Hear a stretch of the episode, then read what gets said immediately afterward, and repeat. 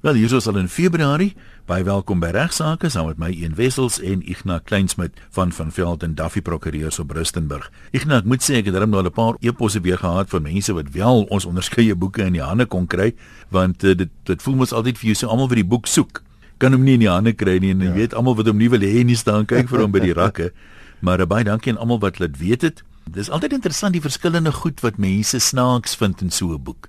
Ja. Ek het wel uiteenlopende opmerkings gehad van dis my gunsteling storie en dat is my gunsteling storie. My een van my gunstelinge een uh, in daai boekie van jou is die een met die stookketel of die apparaat. Wil jy nie om net met die luisteraars weer deel nie? ja, dis hy tipiese boerewysheid. Die oom koop 'n plaas daar in die Frankfurt omgewing en later word hy aangekla van besit van 'n onwettige stookketel. Nou gaan die storie hof toe die oom sê maar hy het nie geweet daar's 'n stookketel op die plaas nie. Hy weet nie eens waar die stookketel is nie, maar op 'n stadium word hy nou skuldig bevind in 'n mindere klag wat uh, die oom verduidelik as besit van die nodige apparaat. En hy kry toe 'n boete. En toe die oom die boete betaal toe sê hy maar kan hy nie sommer ekstra betaal nie? Hy is nou hier en hy het nou geld by hom. Nou vra hulle waarvoor wil hy nou ekstra betaal? Hy sê nee vir die seksuele molestering klagte Hulle sê oom, daar was mos nie seksuele molestering hier ter sprake nie. Die oom sê wel, ek het daarvoor ook die nodige apparaat. Net gefinnig sê vir mense wat die boekie nog soek, as hy nie by jou boekwinkel is nie, sê jy moet bestel. Genade edelagbare is die titel uitgegee deur Lapa saam met RSG en saamgestel deur my een wessels.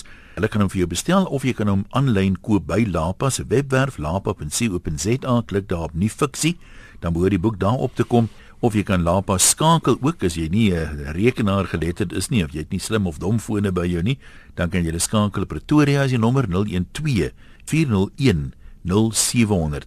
Jy nou sê wil praat met bestellings, jy kan hom direk van hulle af bestel as ook die CD met so 'n keer uit die boek uit of uh, as jy e-boek wil koop kan jy by amazon.com gaan kyk. Reg, kom ons gesels. Wie vinnig uh, miskien besonderhede gee. Ek ja, weet jou boek het 'n ander bestelmetode by ander uitgewer. Ja. Uh, luisteraars, uh, wat sê die prokureur is ook weer uh, beskikbaar. Nou Lady het hom nou weer beskikbaar gestel.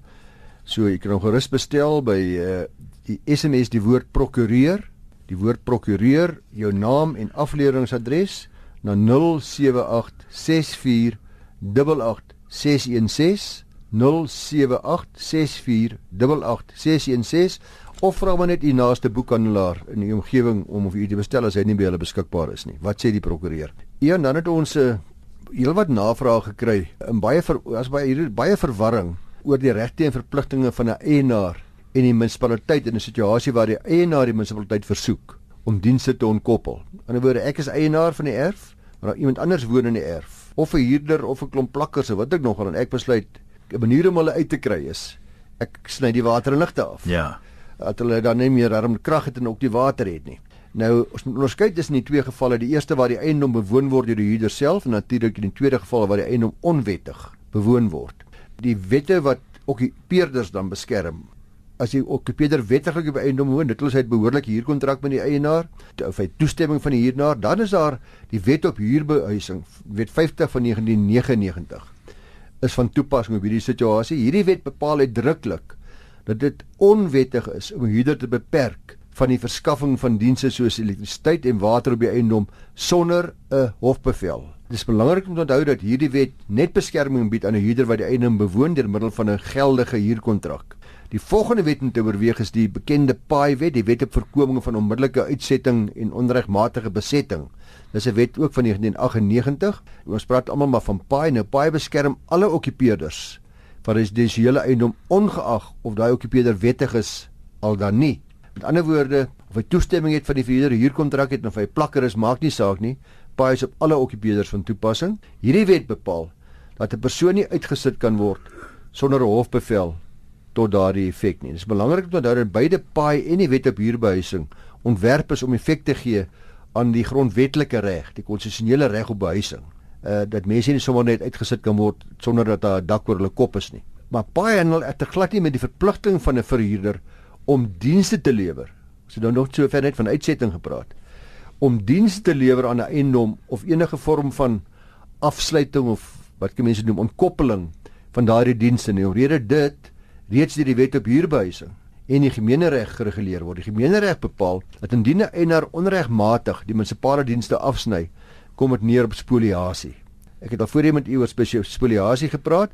Uh, dit beteken ek het 'n reg gehad wat jy jy neem die reg in eie hande. Jy kom spoil, kom spolieer my reg. Die okkupeerder sal in daardie geval geregtig wees om hofbevel te bekom om die voorsiening van daardie dienste onmiddellik te laat herstel, ongeag of hy of sy geregtig was om daardie dienste te ontvang. Met ander woorde, gewone huurkontrak gehad het of nie. Nou die wet vir ons met ander woorde, dis wat ek al baie vir u gesê het op selfhelp of die reg in eie hande neem. Dit word oorals maar in ons wetgewing beperk, gemeenregtelik en dikwels statutêr ook. En enige optrede wat die okkupeerder ontneem van basiese munisipale dienste sonder toestemming van hy okkupeerder en sonder 'n hofbevel tot daardie effek word dan gesien as reg in eie hande neem. Nou, die doel van die regsremedie luisteraars, die ons noem dit die monument van spolie is om die status quo te herstel. Dit beteken die dienste moet so gou as moontlik weer ingestel word en dan toe te laat dat die verhuurder en die okkupeerder die geskil oplos voor hof. Nou as mens kyk na die na die na die belangrike regsaspekte is dat indien die okkupeerder in terme van 'n huurkontrak okkupeer, dan is daar 'n kontrak in die aard van die saak en uh dan is as daar nie 'n kontraktuele verhouding is nie, dan word hy beskou as 'n onwettige okkupeerder en dan is paai van toepassing. Maar daar's altyd ook semi-regs of semi-kontraktuele verhouding tussen die eienaar van die en die munisipaliteit, selfs waar daar nie 'n kontrak tussen hulle is nie. In ander woorde, daar's nie direkte inkomste tussen my en die munisipaliteit nie, maar met ek die eienaar is, is daar is, is daar 'n kontraktuele verhouding. En indien die okkupeerder 'n munisipale rekening in sy eie naam oopgemaak het, wat ook baie gebeur, huurder maak 'n rekening in sy eie naam oop, dan sal daar ook 'n behoorlike kontraktuele verhouding wees tussen tussen natuurlik die okkupeerder en die munisipaliteit. Maar is belangrik te let op dat in die algemeen sal munisipaliteite gewoonweg net die regte van die rekeninghouer erken om instruksies te gee. Met ander woorde, met betrekking tot die afsluiting van die toevloei van krag of water of elektrisiteit of wat ook nogal. Dis belangrik daar ook dat lede op grond van sekere verordeninge wat van toepassing is in sommige, maar weer eens nie alle munisipaliteite nie, maar die meeste kan die eienaars en die okkupeerders van die eiendom gesamentlik en afsonderlik aanspreeklik gehou word. Die huurder en eienaars gewoonlik uh, albei aanspreeklik. Nou wat is die grondwetlike verpligting om gratis dienste te verskaf? Daar's geen verpligting in ons reg hoegenaamd op 'n verhuurder om gratis dienste te verskaf aan 'n huurder of 'n onregmatige okkupeerder nie. En die enigste verpligting wat in ons reg vir dienslewering en die voorsiening van gratis dienste bestaan, lê vierkantig op die skouers van die plaaslike owerheid, die munisipaliteit.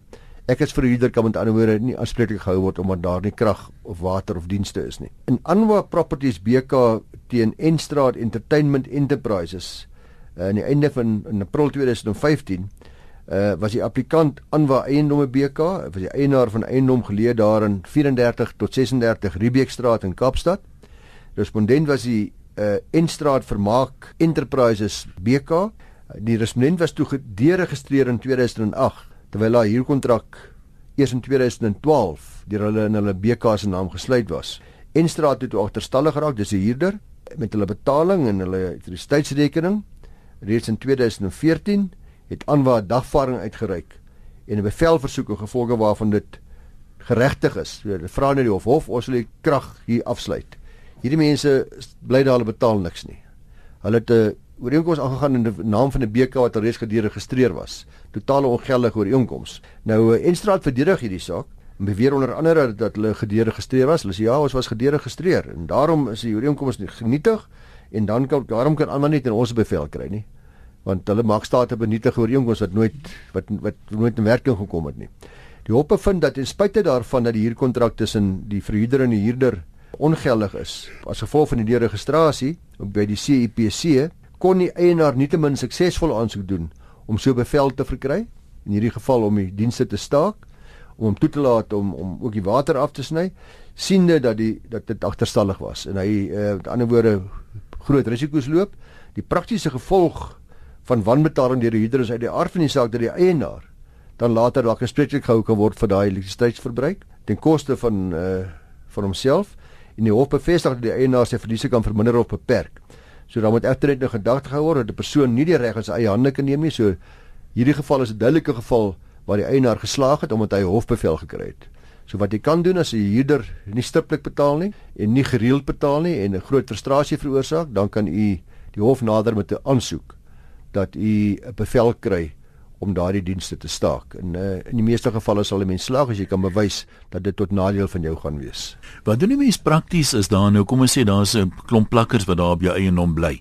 Hulle is nou nie georganiseer in terme van 'n leier, is dit die bestuurder of wie, ja. wat ook al nie. Wie dagvaar jy nou eintlik? Want daai ouens in my kop kom en gaan, maar hulle het nie eintlik 'n adres waar jy dinge kan beteken op hulle nie. Hoe doen 'n mens dit prakties? Ja, Jan, ek is ook die balie daar van die Hoërhof van Rustenburg en uh, ek baie van die bevele wat dan toegestaan word deur die hof is aan die okkupeerders van perseel so en so of die perseel of die okkupeerders van die plaas so en so op daardie gedeeltes.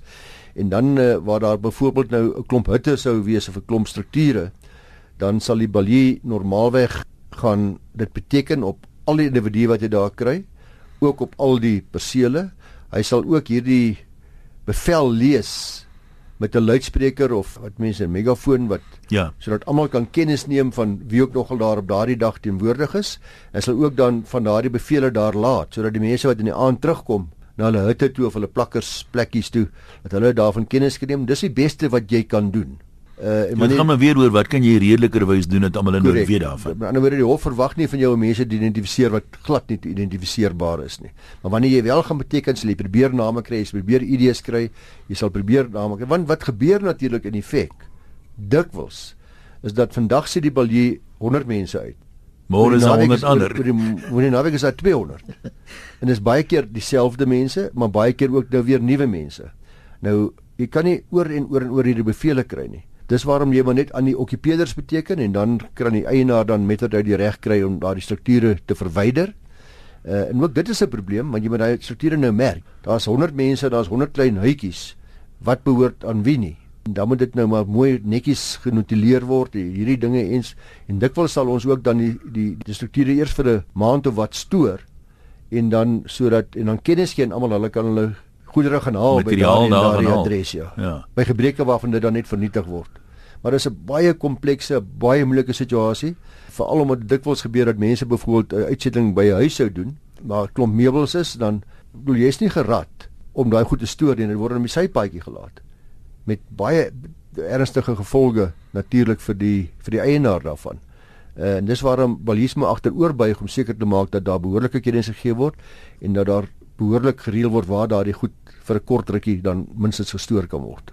Jy luister na RSG na regsaake. Ek is Eed Wessels en by my Ignas Kleinsmid van van Velden Duffy Prokureurs op Rustenburg en Ignas bied hierdie program aan namens die Prokureursorde van Suid-Afrika. Miskien moet ons ook sommer net weer sê Die idee met die program is uh, namens die prokureursorde om die publiek in te lig en op te voed en te bemagtig wat 'n wye verskeidenheid regskwessies betref.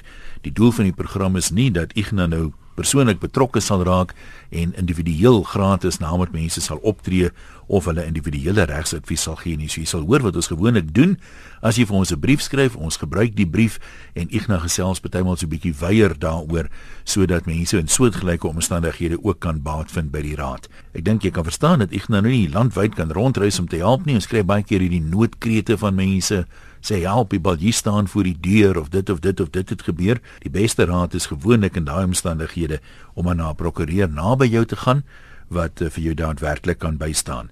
As jy vrae het of kwessies het waaroor die beleggers moet praat, kan jy sommer direk dit vir Ignas stuur. Sy e-posadres is igna@ffd.co.za. Ja baie dankie Ian. Uh, dankie ook vir daardie advies aan die luisteraars. Goeiemôre luisteraars. Uh die meeste navrae wat ek deesdae ontvang is oor jou boek. Genade edele lagbare want daar's uh, nog steeds mense wat hom nie in die hande kry. Wil jy net weer vir hulle sê waar en hoe nie asseblief Ian? Ja, dankie Ignas. Dis maar altyd 'n probleem met ek dink veral weet die vraag aan aanbod. 'n Uitgewer weet nooit hoe goed 'n boek gaan verkoop nie. En 'n mens loop ook maar die risiko jy wil nie net hoeveel boeke druk en dan verkoop die ding glad nie. So ek kry half die idee dat mense het nie geweet hoe gewild RSG luisteraars se stories gaan wees oor humor in die breë regswêreld nie, want die boek is nie 'n regsboek nie. Dit is juis oor die snaaksighede. Ons praat ons sê altyd daar's meer lagbaar as agbaar en baie van die edelagbaares en dit sluit ook stories in oor spietkops en speurders en so en so baie wyd uiteenlopend. En jy hoef nie enige regskennis te hê om die boekie te kan geniet nie. Nou hy word uitgegee deur Lapa Uitgewers. Ek het dit saamgestel uit die bydraes van RSG luisteraars en die titel is Genade edelagbare die boek kan jy by 'n boekwinkel kry as hulle nie het nie sê jy moet hom bestel Hulle behoort by die uitgewer te kan bestel. Dis nou Lapa. Jy self kan by Lapa individueel ook 'n boek bestel op een van twee maniere of aanlyn by www.lapa.co.za. Daar klik jy op nuwe fiksie en dan uh, sal jy daar sien kan jy die boek bestel of jy kan hulle skakel in kantoorure by die volgende nommer 012 401 0700 en dan uh, wat e-boeke verkope betref is hy ook op amazon.com vir iets soos 11 dollar as ek reg onthou. Hey, ja. vir mense oor see of net nee, niks gee jy natuurlik in Suid-Afrika om dit ook daar te koop nie. Maar ehm um, baie dankie aan almal. Ek het regtig wonderlike terugvoer gehad, maar soos ek altyd sê, die krediet is nie myne nie, dis die luisteraars se. En 'n mens wil graag hê dat mense wat nou gehoor het van die boek, om die die plesier kan hê om een te lees. So ek sê dankie vir die mense wat nie moed opgegee het nie. Al vat dit 'n rukkie, iewers gaan jy nog 'n kopie kry. Ek wil net miskien vinnig sê, uh, Ignas, ek gaan ook op die woordfees wees waar hulle met my gaan gesels oor die boek. Sal later spesifieke tye gee, maar dit is hier vroeg Maart by die woordfees op Stellenbosch. So as jy naai kon kry is, kan jy kom hallo sê ek sal sorg dat daar 'n boksboeke is. En dit is 'n wonderlike geleentheid om by te woon. Nee, daai woordfees is blykbaar heerlik. Ja, dis een van die min feeste wat werklik groei jaar na jaar na hmm. jaar. So ek dink hy's uh, van die gewildste feeste op hierdie stadium en dit is regtig lekker wees. Ek sien baie uit daarna 'n bietjie te gaan gesels daar. Ons het 'n uh, baie interessante nuusbrief raak geloop. Uh, eintlik 'n nuusbrief, ekskuus, is in 'n in 'n koerant die Legal Times het daar 'n artikel verskyn geskryf deur Pieter Colyn en Celeste Skuls wat handel met die verpligtinge van verskaffers van myn toerusting, myn masjinerie en hoe belangrik dit is. Nou in 'n plek soos Rustenburg waar ek nou praktiseer, is daar geweldig baie sogenaamde mining supplies. Myn verskaffers, myn toerusting verskaffers wat besigheid doen. En die Wet op Gesondheid en Veiligheid vir myne, dis die Mine Health and Safety Act, lys verskeie pligte en verantwoordelikhede rakende die gesondheid en veiligheid van mense wat by myn werk of aan die werkinge van 'n myn blootgestel word. En ons weet almal hoe belangrik veiligheid by ons myne is en hoe daar van tyd tot tyd kritiek is ook teen sommige myne. En die grootste meerderheid van hierdie pligte en verantwoordelikhede word dan geplaas op die werkgewer, die die die die maatskappy self wat die myn besit. Artikel 21 van hierdie wet is egter ook nogal baie interessant. Want dit maak voorsiening vir pligte en verantwoordelikhede wat ook geplaas word op die persone of die entiteite wat toerusting en masjinerie aan myne voorsien. So julle is ook in die lyn van verantwoordelikes teenoor beserings wat opgedoen word want die departement van minerale hulpbronne by wyse van gesondheid en veiligheid in die myne in, in die inspektoraat vestig al hoe meer die aandag juis op die voldoening aan hierdie pligte en verantwoordelikhede van ander mense behalwe die werkgewer in terme van artikel 21. Hierdie artikel bepaal dat enige persoon wat items vir gebruik by 'n myn ontwerp en ook jy wat selfs daardie mynmasjinerie ontwerp, vervaardig, herstel, invoer of verskaf, moet verseker dat A die item veilig is en by behoorlike gebruik daarvan geen risiko inhou vir die gesondheid en veiligheid nie en tweedens B die item voldoen aan al die vereistes soos deur die wet voorgeskryf. Hierdie artikel gaan dan verder en bepaal dat enige persoon wat sodanig iets vir gebruik by 'n myn oprig of installeer sover redelikerwys moontlik moet seker maak dat die wyse waarop dit ook opgerig of op geïnstalleer is op geen wyse risiko vir gesondheid of veiligheid veroorsaak nie. So ook jy wat daardie items gaan installeer wat betrokke is by die bou van die myn en die oprigting van die materiaal. Enige persoon wat 'n plig het in gevolg hierdie artikel word onthef van daardie plig in die mate wat dit redelik is onder sekere omstandighede indien daardie persoon items ontwerp vervaardig herstel invoer verskaf vir 'n ander persoon en daardie ander persoon wat dit ontvang, dis nou die werkgewer normaalweg, 'n skriftelike onderneming verskaf dat hy sy spesifieke stappe sal neem wat voldoende sal wees om te verseker uh sover redelikerwys uitvoerbaar dat die artikel veilig sonder risiko is. So wanneer ek iets verskaf aan die myn, dan is ek gespreeklik behalwe as die myn vir my skriftelik onderneem dat hulle daardie goed wat ek vir hulle gesê het hulle moet doen, die installasie, die versorging, wat ook nog hulle dit mag wees, alles wat al die stappe wat wat hulle moet neem, dat hulle dit veilig sal doen, dan kan ek onthef word uh, as hulle dan daai onderneming vir my gee. Nou enige persoon wat 'n gebou of 'n struktuur insluitende nou ook 'n tydelike struktuur vir gebruik by 'n myn ontwerp of bou, moet sover redelikerwys uitvoerbaar verseker dat die ontwerp of konstruksie daarvan ook veilig is. Dis in so ons is nou nie meer besig met met masjinerie nie. Ons is nou besig met die bouwerk daar, die die perseel self wat gebou word dat dit veilig is sonder risiko is vir gesondheid en veiligheid wanneer dit gebruik word. En dan ook enige persoon wat 'n gevaarlike stof vir gebruik by 'n myn vervaardig, invoer of verskaf, moet sover weer as wat dit redelikerwys uitvoerbaar is, verseker dat die stof veilig is en sonder risiko is vir gesondheid en veiligheid, ag en so ensovoorts ensovoorts. So die gevolgtrekking is baie duidelik uh en o, hy moet ook seker maak dat die persoon aan wie dit verskaf word, die myn, behoorlike kennis het en voldoende ingelig is oor presies hoe daardie stof gebruik moet word, wat die risiko's is vir gesondheid en veiligheid, uh wat verband hou met daardie stof of alle beperkings en beheermaatreëls wat nodig mag wees. So dis baie duidelik luisteraars en almal wat betrokke is by mynverskaffing, goedere aan myne, geboue aan myne, wat ook nog al besigheid met die myn doen, uh dat daardie mense almal uh pligte en verantwoordelikhede het in terme van hierdie artikel wat van hierdie betrokke wet. Hulle moet ook op hoogte bly. As jy die wet mooi lees vir die nuutste verwikkelinge en voorskrifte uitgereik deur die onderskeie streekskantore van die departement van minerale bronne want ek het nou nou vir u gesê dis duidelik dat die inspektoraat van die departement al hoe meer ook die blaam ondersoek wat op die vervaardigers en die en en die verskaffers ensovoorts rus. In praktyk kan verskaffers stappe neem om seker te maak dat hulle wel aan hierdie pligte voldoen uh, deurdat hulle belangrike inligting, opleiding, bystand aan hulle kliënte bied. So sien dit 'n geval van hy verkoop aan jou hierdie klomp pype nie of hierdie lokomotiefies nie of hierdie wat ek nog groot mag wees wat in die myn gaan gebruik nie. Jy moet ook behoorlike opleiding gee, jy moet bystand gee by die gebruik daarvan, die oprigting daarvan. Uh, dit kan insluit die uitvoer van risiko-evaluerings. Dit kan die voorsiening van omvattende gidse gee wat jy saam met jou materiaal wees gee. Uh die voorsiening van opleiding soos ek gesê het, behoorlike hulpbronne vir herstel en onderhoud van hierdie uh, artikels, gereelde vergaderings tussen die kliënt en die verskaffer. Om te hoor werk dit, is dit reg, uh, word daar voldoen aan al die vereistes? 'n uh, aanbod om uh, die kliënt te besoek van tyd tot tyd om te inspekteer. Om te verseker dat die dat die stowwe of die items veilig is op regte manier gebruik word. So uh, baie belangrik, daar word baie meer vrae deesdae gevra, baie meer druk word geplaas op verskaffers. Let maar op dat indien 'n noodlottige ongeluk plaasvind, en hierdie verskaffers nie in staat daartoe is om te bewys dat hulle voldoen het aan al die verpligtinge wat die wet aan hulle stel nie, kan dit lei tot 'n veroordeling in terme van hierdie betrokke wet en natuurlik ook siviele aksies. Ek kan nie help om te wonder tot watter mate al hierdie verpligtinge die prys van die verskaffing van produkte opstoot nie.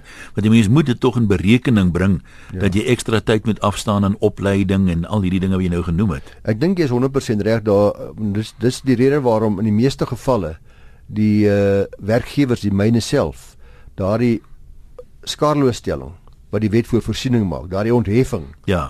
Uh aan die verskaffers gee. Hulle sê julle hoef dit nie doen, dit gaan te veel kos. Ons sal dit self doen. Ons sal die installasie doen. Ons sal die al die veiligheidsmaatreëls en al julle opleidingsaspekte wat julle vir ons sê, ons sal dit alles self doen. Uh op daai manier word dit natuurlik goedkoper, maar daar word die risiko vierkantig nou geplaas op die skouers van die van die myn wat aan die een kant sin maak want ek meen hulle dra reeds soveel ander risiko's om dit te sentreer amper in een liggaam maak vir my half sin. Ek meen baie van die goed oorvleuel en raak mekaar en is afhanklik van mekaar. So dis waarskynlik makliker en veiliger vir die mynwerker om dit van een punt af te beheer. Ja, en die myn spandeer werklik waar uh, die myne in Rustenburg, maar seker ook maar oor die hele land en oor die hele wêreld spandeer miljoene der miljoene der miljoene rande om behoorlike veiligheidsrisiko's te beperk om om om om gesondheid en, en al die ander dinge wat daarmee saamgaan van die myners uh, te probeer waarborg. Maar jy sal sien by myners jy kom aan staan daar groot 330 dae ongelukvry of, ja, of 20 ja. dae hulle tel die dae af en hulle word gereeld gemotiveer onder mekaar om absoluut maksimum veiligheid uh, te handhaaf maar mense maak foute En daar's in die meeste foute wat deesdae by myne voorkom is menslike foute. Dis nie foute van masjinerie noodwendig en van uh materiaal nie, is menslike foute. Ek wonder tot watter mate mens die menslike foute kan beperk want ek het nou weer 'n artikel gelees byvoorbeeld oor padveiligheid na Desember. Almal praat mooi daaroor, maar Daar's so baie goed wie nie kan beheer nie. Jy weet mense is haastig of hulle kuier te veel of hulle slaap te min byvoorbeeld. Sekerlik iets soos min slaap wat jou konsentrasie vermoë beïnvloed, moet 'n effek hê op veiligheids uh, by myne.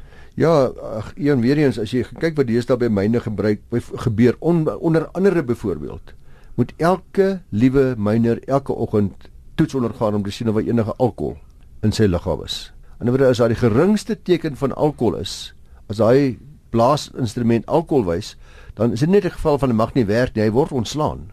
So 'n miner wat uh, moet seker maak dat hy seker hoeveelheid ure en hulle word opgelei hmm. voordat hy in diens gaan moet hy weet mag hy nie alkohol gebruik nie wat 'n baie wonderlike ding is want dit is die mense is ook inter, interafhanklik van mekaar nê en hierdie geld van die heel groot baas af tot die heel mees geringe werker wat daar op die myn werk Almal is onderwerpe onderworpe.